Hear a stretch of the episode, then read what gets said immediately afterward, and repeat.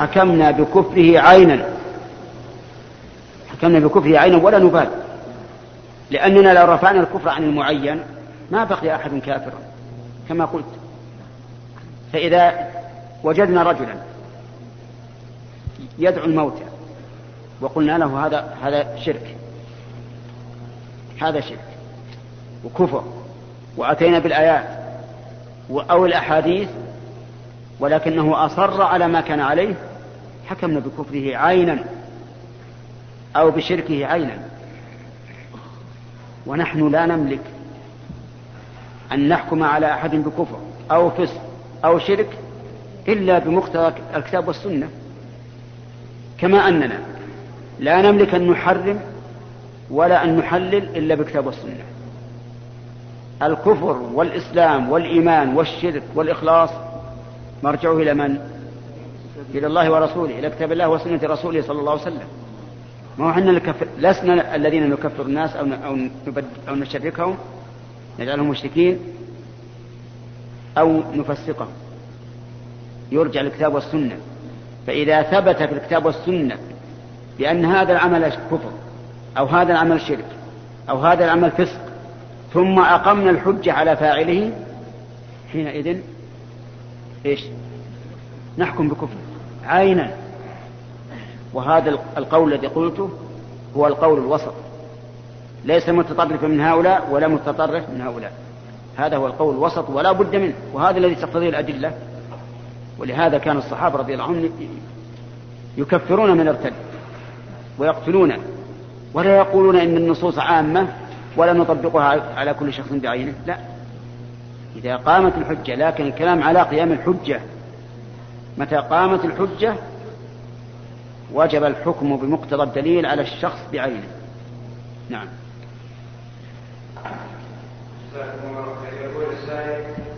وجود طالب العلم في مجتمع فيه بدع ومنكرات افضل من ذلك المجتمع نعم.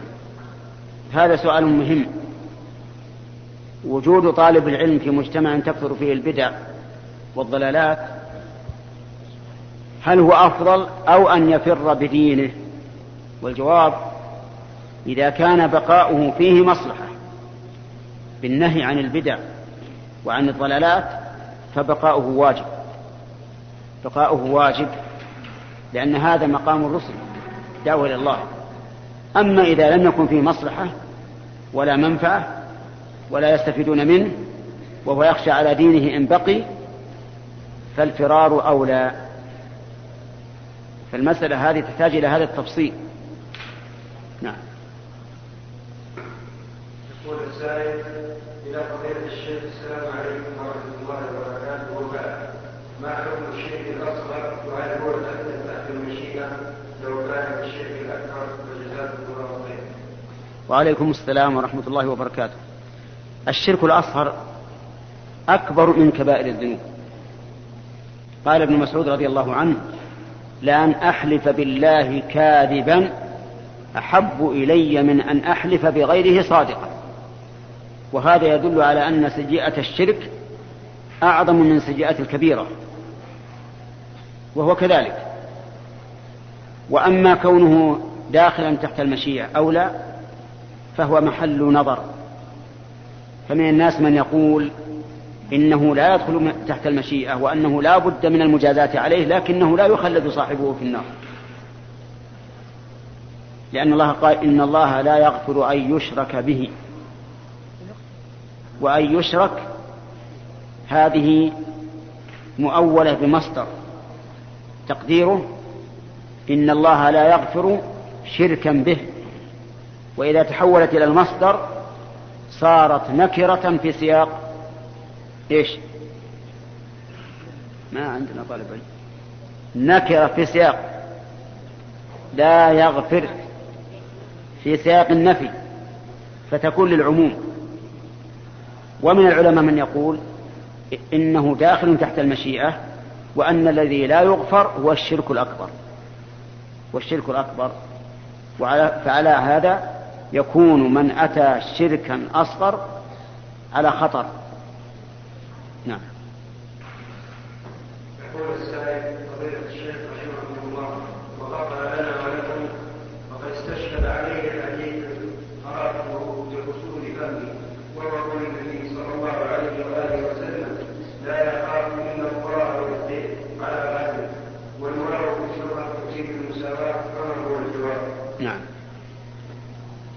الجواب على هذا أن نقول الخوف من الله غير الخوف من الذئب الخوف من الله غير الخوف من الذئب. لأن الخوف من الله خوف عبادة وإنابة ولجوء. والخوف من الذئب خوف طبيعي. ولهذا الخائف من الذئب إذا كان معه سلاح ماذا يعمل؟ يقتل الذئب. لكن خائف من الله لا يزيده خوفه إلا لجوءا إلى الله. وإنابة إليه ورجوعا عليه ورجوعا إليه ففرق بين الخوفين.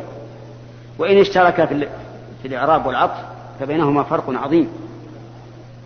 لا أعتقد أن أحدا إذا رأى الذئب وخاف منه يقول يا ذئب أرجوك أنك ما تفرغ غنمي ولا لا؟ توافقونني على هذا ولا ما توافقون؟ ها؟ لا توافق. أقول لا أظن أحدا إذا رأى الذئب يقول يا ذئب أرجوك لا تأكل غنمي. توافقونني على هذا؟ لا إله إلا الله. توافقون يا أخي؟ أبدا. أنا ما سمعت أن أحد رأى ذئبا وراح للذئب قال يا ذئب من فضلك لا لا تأكل غنمي. بل إذا رأى الذئب أخذ السلاح وقتله. لكن إذا خاف الإنسان ربه ماذا يصل هل يتمرد على على ربه أو يلجأ إليه؟ يلجأ إليه. ففرق بين هذا الخوف وهذا الخوف. نعم. يقول الثالث ما حكم الذين يكتمون امام بعض المقابر الفقير ويكتمون بعض القصائد القصائد في رسمين بهذا البيت بهذا الميت من الشفاعة وغيرها وقد رأيت هذا نجد توضيحا جزاك الله زيارة القبور كما أسلفنا في الدرس قبل الصلاة يقصد بها أمران وهي وهما تذكر الآخرة والدعاء للميت وهذه القصائد التي تتلى عند القبور. ما هي إلا تجديد أحزان ولهذا تجد الإنسان يبكي لا خوفا من عذاب ولكن يبكي حزنا على هذا الميت. هذا إن سلمت القصائد من الشرك. وغالب القصائد هذه تتضمن الشرك إما الأصغر وإما الأكبر. ولهذا نقول لإخواننا الذين يزورون البقيع خير الهدي هدي محمد صلى الله عليه وسلم. اقتصروا على ما اقتصر عليه وعلمه أمته وفيه كفاية. نعم.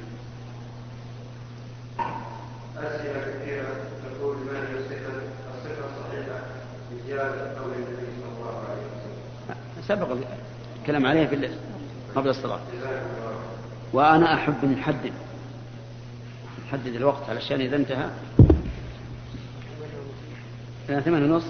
نعطيكم ربع ساعة. ربع ساعة. نعم. هناك فضيلة الشيخ هناك شبهة يقولون لنا في هذه البلاد بلاد التوحيد فإن تعليم تعلم التوحيد وتعليم لا فائدة منه وإنما الواجب الاستعانة بالرقائق وغيرها فكيف إيه؟ الواجب إيش؟ الاستعانة وغيرها نعم. نعم. إذا كان هذا السائل يسلم أن هذا البلد بلد التوحيد لزمه أن يكون هذا البلد أعلم الناس بالتوحيد. وهل يمكن أن يكون علم بالشيء دون تعلمه؟ نعم. أبدا.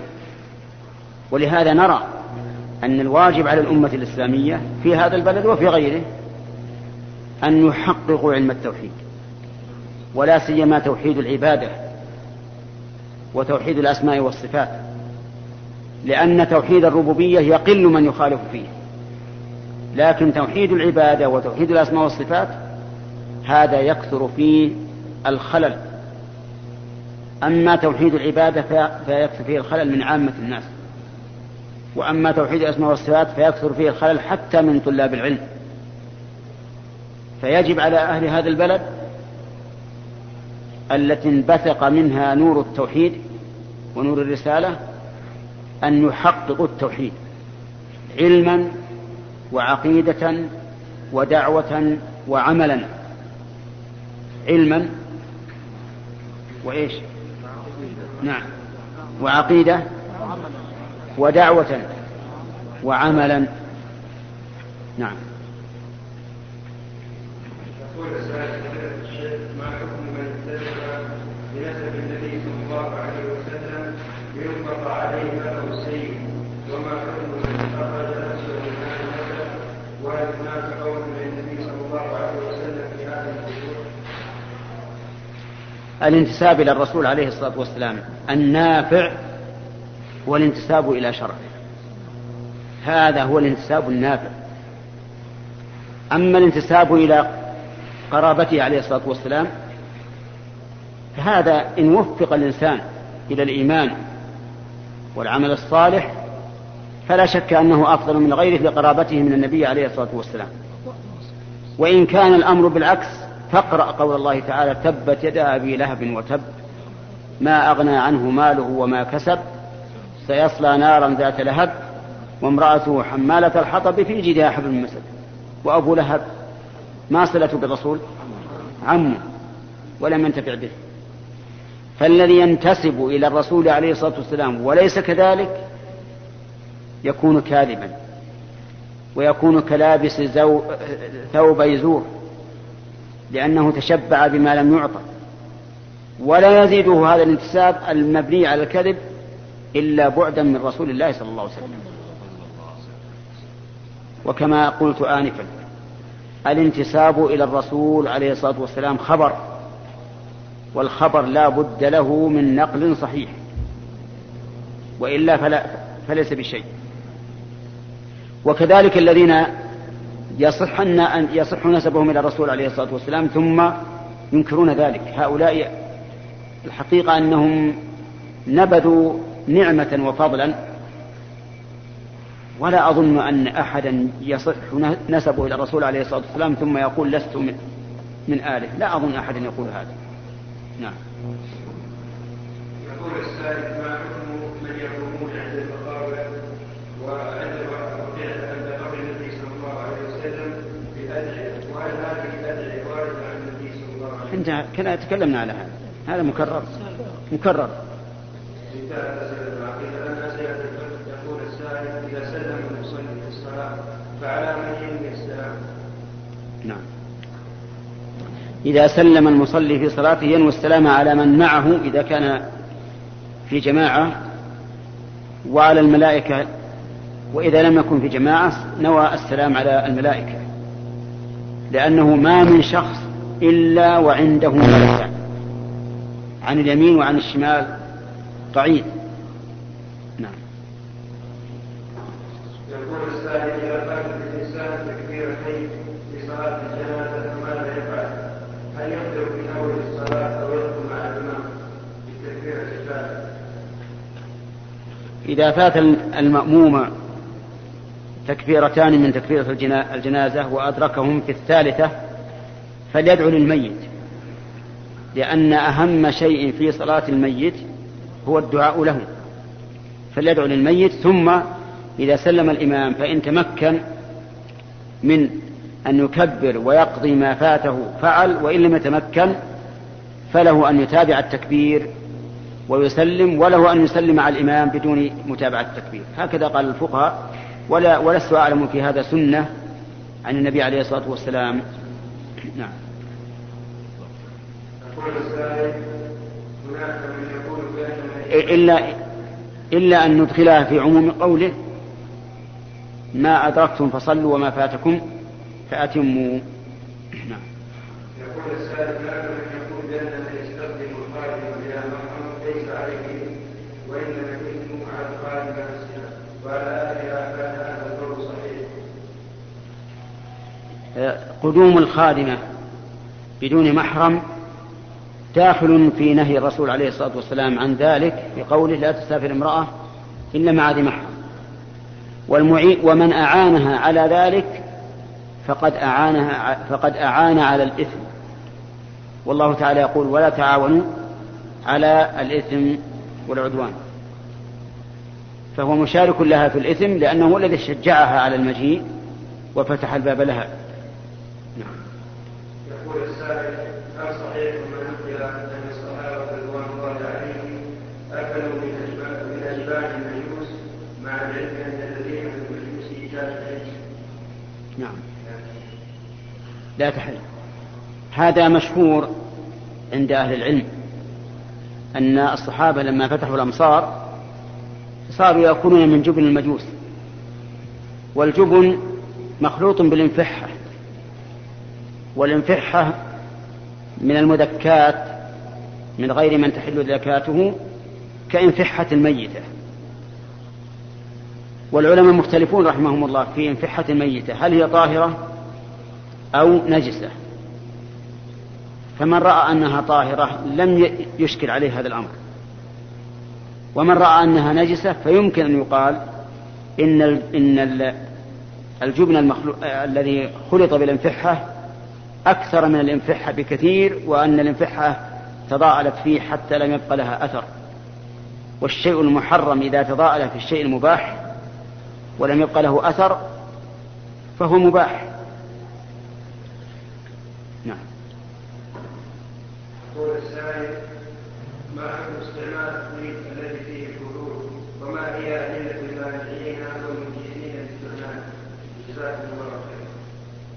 الطيب الذي فيه الكحول أولا ليس بنجس. حتى لو أصاب الثياب فإنها لا تنجس.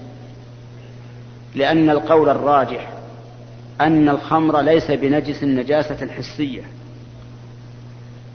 ودليل ذلك قوله تعالى يا أيها الذين آمنوا إنما الخمر والميسر والأنصاب والأزلام رجس من عمل الشيطان.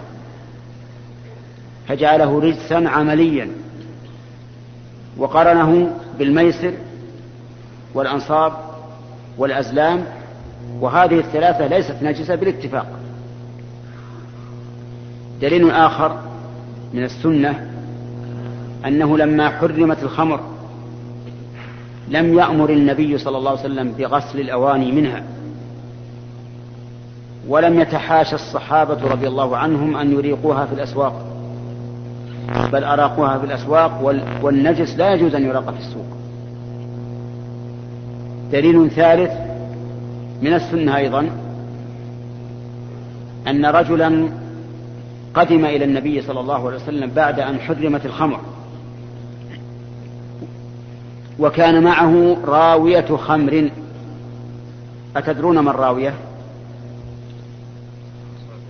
قربة كبيرة فيها خمر. فأهداها إلى رسول الله صلى الله عليه وسلم. فلم يقبلها الرسول صلى الله عليه وسلم. وقال إنها حرمت. ثم ساره رجل يعني تكلم رجل من الصحابة مع الرجل الذي أهدى الراوية قال له بعها. فقال النبي صلى الله عليه وسلم للرجل بما ساررته؟ قال قلت بعها يا رسول الله. فقال النبي صلى الله عليه وسلم إن الله إذا حرم شيئا حرم ثمنه. ثم فتح الرجل فم الراوية وأراقها. ولم يأمره النبي عليه الصلاة والسلام بغسل الراوية بعد هذا الخمر ولم ينهه عن إراقتها في هذا المكان. وهذا يدل على أنها على أن الخمر غير نجسة دليل الرابع وهو أن الأصل الطهارة حتى يقوم دليل على النجاسة. وليس كل محرم نجسا. صحيح؟ ليس كل محرم نجسا. وكل نجس محرم.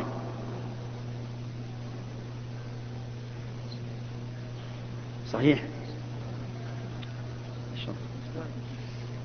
ليس كل محرم نجسا. انتهت الجملة.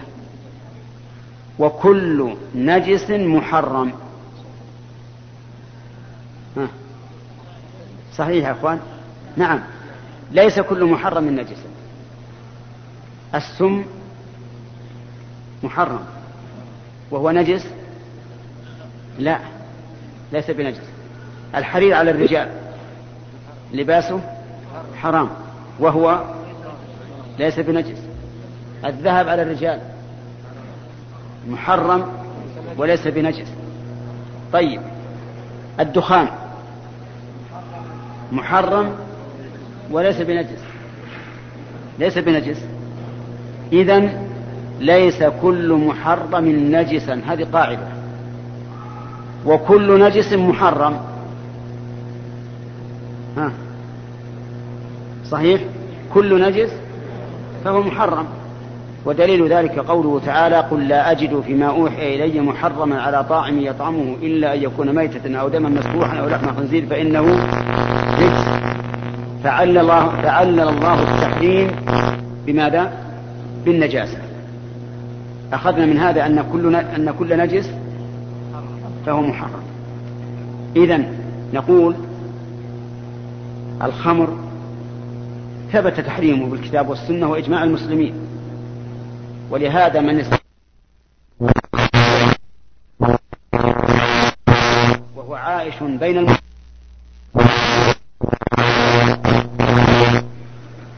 لكن هل هل هل قام الدليل على أنه نجس؟ ابدا ما في دليل على أنه نجس. اذا الأصل فيه الطهارة مع التحريم حتى يقوم دليل على النجاسة. وهنا قاعدتان مهمتان الأصل في الأشياء الحل والأصل في الأشياء الطهارة ما لم يرد التحريم في المسألة الأولى وما لم يرد النجاسة في المسألة الثانية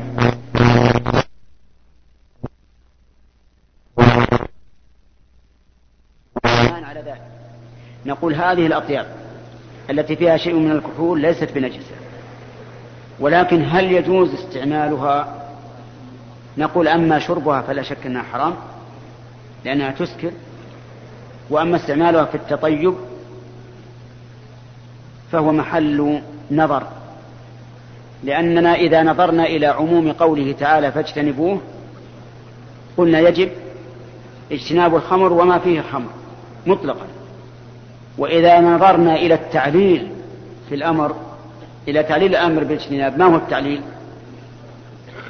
إنما يريد الشيطان أن يوقع بينكم العداوة والبغضاء في الخمر والميسر ويصدكم عن ذكر الله وعن الصلاة فهل أنتم منتهون؟ وهذا لا يحصل فيما إذا تطيب به الإنسان. قلنا إن هذا جائز. والذي أرى يعني لما صارت الأدلة محتملة أن لا يستعمل الإنسان هذا الطيب إلا للحاجة. مثل أن يريد أن يعقب جرحا يعقم جرحا أو ما أشبه ذلك. أو يكون مثل فيه رائحة كريهة وليس عنده طيب سواه فيريد أن يتطيب لزوال الرائحة الكريهة. فهذه حاجة ولا بأس بها إن شاء الله.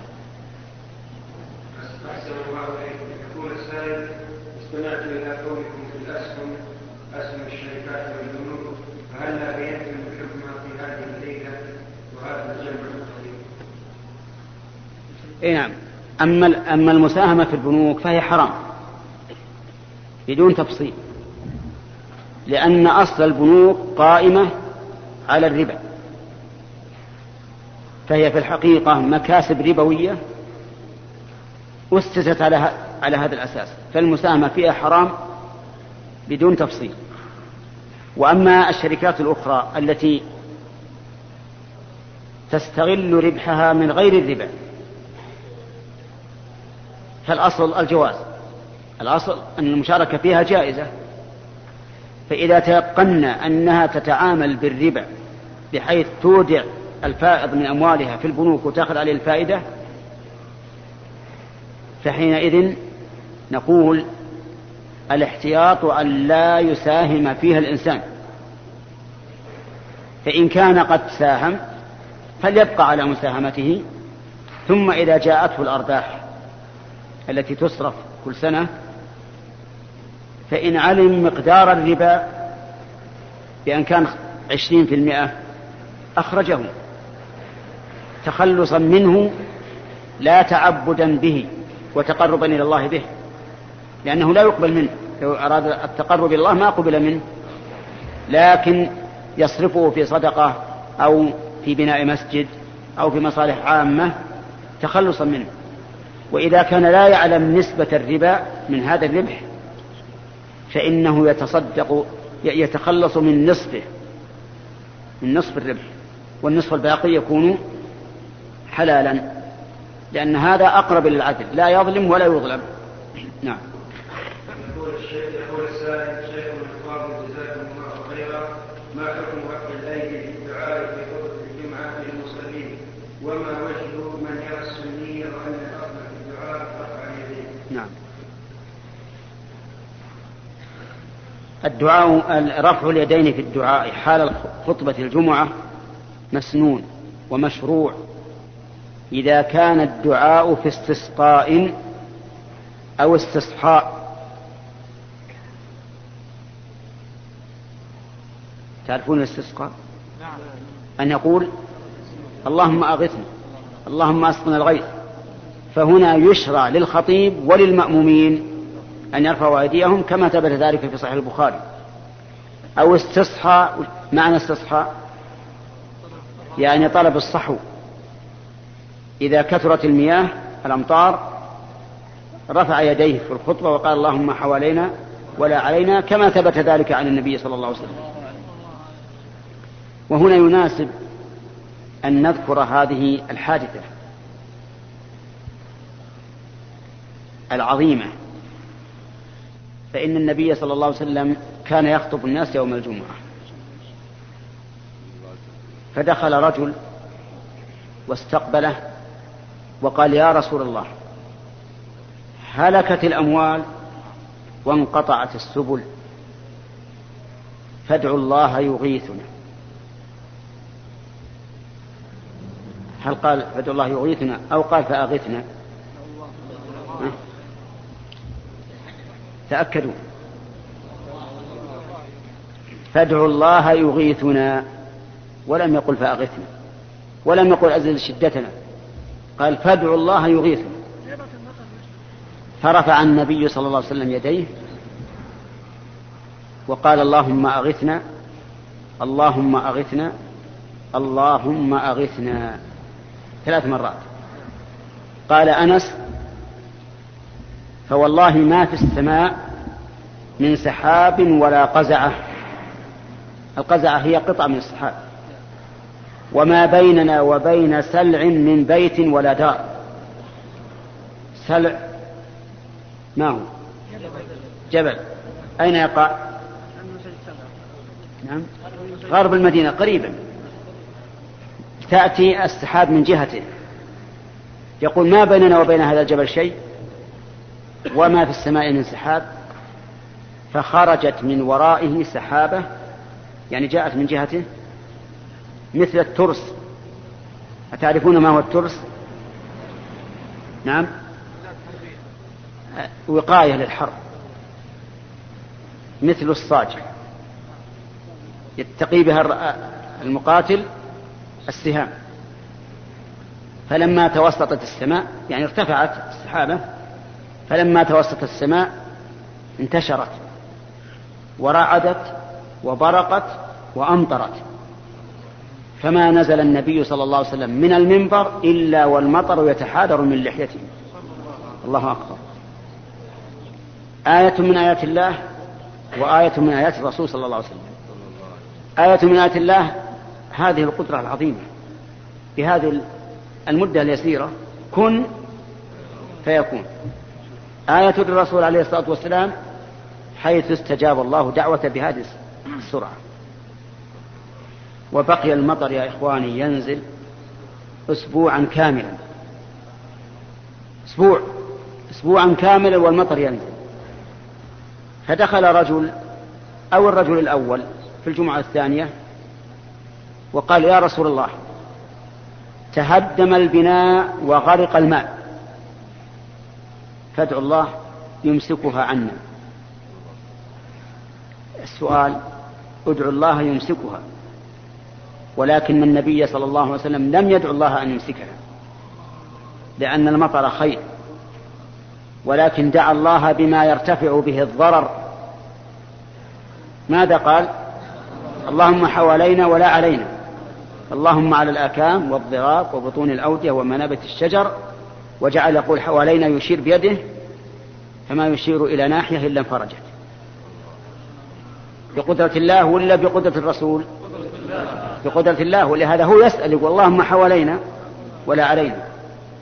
فكما أن الريح تحمل سليمان عليه الصلاة والسلام غدوها شهر ورواحها شهر فكذلك النبي عليه الصلاة والسلام بأمر الله قال حوالينا ويشير ولا علينا. فخرج الصحابة يمشون في الشمس. سبحان الله العظيم. إذا يرفع الخطيب يديه في الخطبة حال الاستسقاء. كمل. وحال الاستصحاء. أما إذا دعا للمسلمين. واللهم اغفر للمسلمين وما أشبه ذلك فلا يرفع يديه. وقد أنكر الصحابة رضي الله عنهم على بشر بن مروان حين رفع يديه في الخطبة. وقالوا قطع الله هاتين اليدين. كان النبي عليه الصلاة والسلام إذا دعا يشير فقط. يشير هكذا إلى علو الله. ولا ولا يرفع يديه. فلا يسن لا للخطيب ولا للم... للمأمومين الم... الذين يستمعون خطبته. إذا دعا يوم الجمعة في الخطبة لا يسن لهم أن يرفعوا أيديهم ولا يسن للخطيب أن يرفع يديه. أما الخطيب فقد عرفتم الدليل وأما المأمومون فإنهم تبع له. فإذا لم يرفع يده لم يرفعوا أيديهم. نعم. السؤال الأخير يقول فضيلة الشيخ السلام عليكم بارك دلست الله. دلست. قلت بسم الله الرحمن مساعك مؤخر طيب يلا مش مشكلة. السؤال يقول الشيخ في الله ونرجو منكم يا شيخ توجيه نصيحة للشباب حول بيان فضيلة الشيخ عبد العزيز بن باز حفظه الله حول إيش؟ بيان فضيلة الشيخ عبد العزيز بن باز حفظه الله لأننا سمعنا كل فريق يؤوله لصالحه وينشر الأشرطة لذلك وجزاكم الله خيرا. سبحان الله. يقول أريد بيانا لبيان الشيخ إذا كان بيانا لا يحتاج إلى بيان البيان لا يحتاج إلى بيان فإن كان في هذا البيان إجمال فليسأل الشيخ حتى يبين. واضح يا جماعة؟ البيان لا يحتاج إلى بيان. والإجمال يبينه من؟ من أجمله صاحب الكلام. الحمد لله. إذا نقول لهم العبارة اللي قال. أما أنا فأقول إن ما قاله الشيخ صحيح. ولا شك أن اختلاف الإخوان طلبة العلم لا شك أنه لا يخدم الإسلام بل هو ضرر على الإسلام. ولا شك أنه يخدم أعداء الإسلام. لأن أعداء الإسلام يحبون أن يتفرق أهل حملة حملة الشرع. يحبون أن يتفرقوا بأقوالهم وأفعالهم. وإذا تأمل الإنسان طريق الصحابة والسلف الصالح وجد أنهم يختلفون في الأقوال لكن لا تختلف قلوبهم. لا يسب بعضهم بعضا ولا يتهم بعضهم بعضا وكل إنسان معرض للخطأ. وإذا كنت تقدر أن صاحبك قد أخطأ فإن صاحبك يقدر أنك أنت أيضا أخطأت. إذا لا حجة لأحد على أحد بقوله. الحجة فيما قاله الله ورسوله. وكوننا كون الإخوان يتفرقون من أجل اختلاف وجهة النظر في أمر لا يمس الدين الدين أو العقيدة هو في الحقيقة والله من من نزغات الشيطان ومن خدمة أهل الباطل. أهل الباطل لما رأوا إقبال الناس والحمد لله على الإسلام ولا سيما الشباب. أتظنون أنهم يسكتون؟ والله لن يسكتوا لأن هذا يغيظهم. سيدبرون بكل حيلة للقضاء على هذا. هذه الصحوة أو النهضة. لكنهم يدبرون بصمت وإحكام. أما نحن لسلامة قلوبنا فنحن ها إذا دبرنا بنينا من الحب من الحبة قبة كبرنا المسائل وجعلنا الناس يختلفون ويتفرقون فيحصل الشر والبلاء. ولهذا يجب أن, أن, أن نمشي أولا بهدي الشرع وثانيا بحكمة العقل. لأننا إذا إذا غلبنا العاطفة يا جماعة إذا غلبنا العاطفة صارت عاصفة عصفت بنا. وأفسدت بيننا. وأهل الشر يحبون أن أن يكون الواقع هكذا. يحبون أن يقوم فلان يسب فلانا. ويضلل فلانا.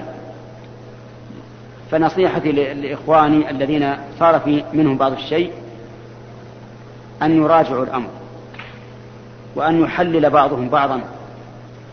وأن يصدر منهم كلمة موقعة من الجميع.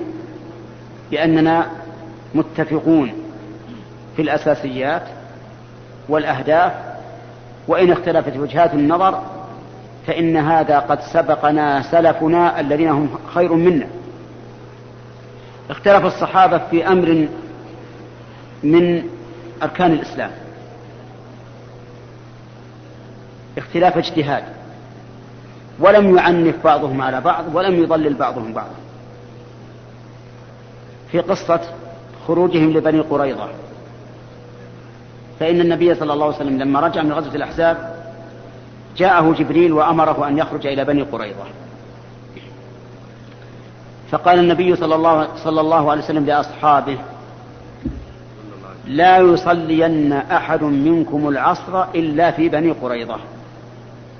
فخرجوا من المدينة لبني قريظة. أدركتهم صلاة العصر. فقال بعضهم لا نصلي العصر إلا في بني قريظة ولو بعد المغرب. وأخر الصلاة إلى ما بعد المغرب وصلوها في بني قريظة. بناء على إيش؟ على ظاهر اللفظ. لا يصلين أحد منكم العصر إلا في بني قريظة. وقال آخرون بل نصلي العصر في وقتها لأن من فاتته صلاة العصر حبط عمله. ولأن غرض النبي صلى الله عليه وسلم من هذا الكلام المبادرة. بالخروج والوصول إلى بني قريظة. اختلفوا هذا الاختلاف الذي هو في ركن من أركان الإسلام ومع ذلك لم يعنف بعضهم بعضا والنبي عليه الصلاة والسلام لما بلغه الخبر لم يعنف واحدا منهم. وإن كنا نرى أن المصيب هم الذين صلوا في الوقت. فالمهم أنا أريد أن نكون نحن على طريق السلف الصالح. لا نكفر ولا نضلل. ولا نبدل. إنما إذا اختلفنا في أمر اجتهادي لا يعلم عند الله لا يعلم من المصيب عند الله. فإن الواجب أن نتحد. ويا حبذا لو أنه صدر بيان من الجميع يشرحون به أنهم متفقون في الهدف الأساسي مختلفون في وجهة النظر في بعض الأمور وهذا أمر سلفنا قد سلف إليه من سبقنا ولا يضرنا شيئا. لو حصل هذا لكان طيبا وسيحصل إن شاء الله. إما عد يحصل فعلا أو يحصل بالقوة بالكف أن يكف بعضهم عن بعض وأن يكونوا إخوة ويعرف كل واحد منهم قدر مسؤوليته في هذه الأمة. ونسأل الله لنا ولهم الهداية وأن يجمعنا جميعا على الهدى والتقى.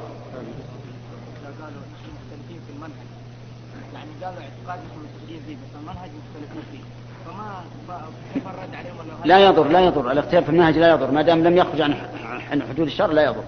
والله أعلم. يا شيخ يا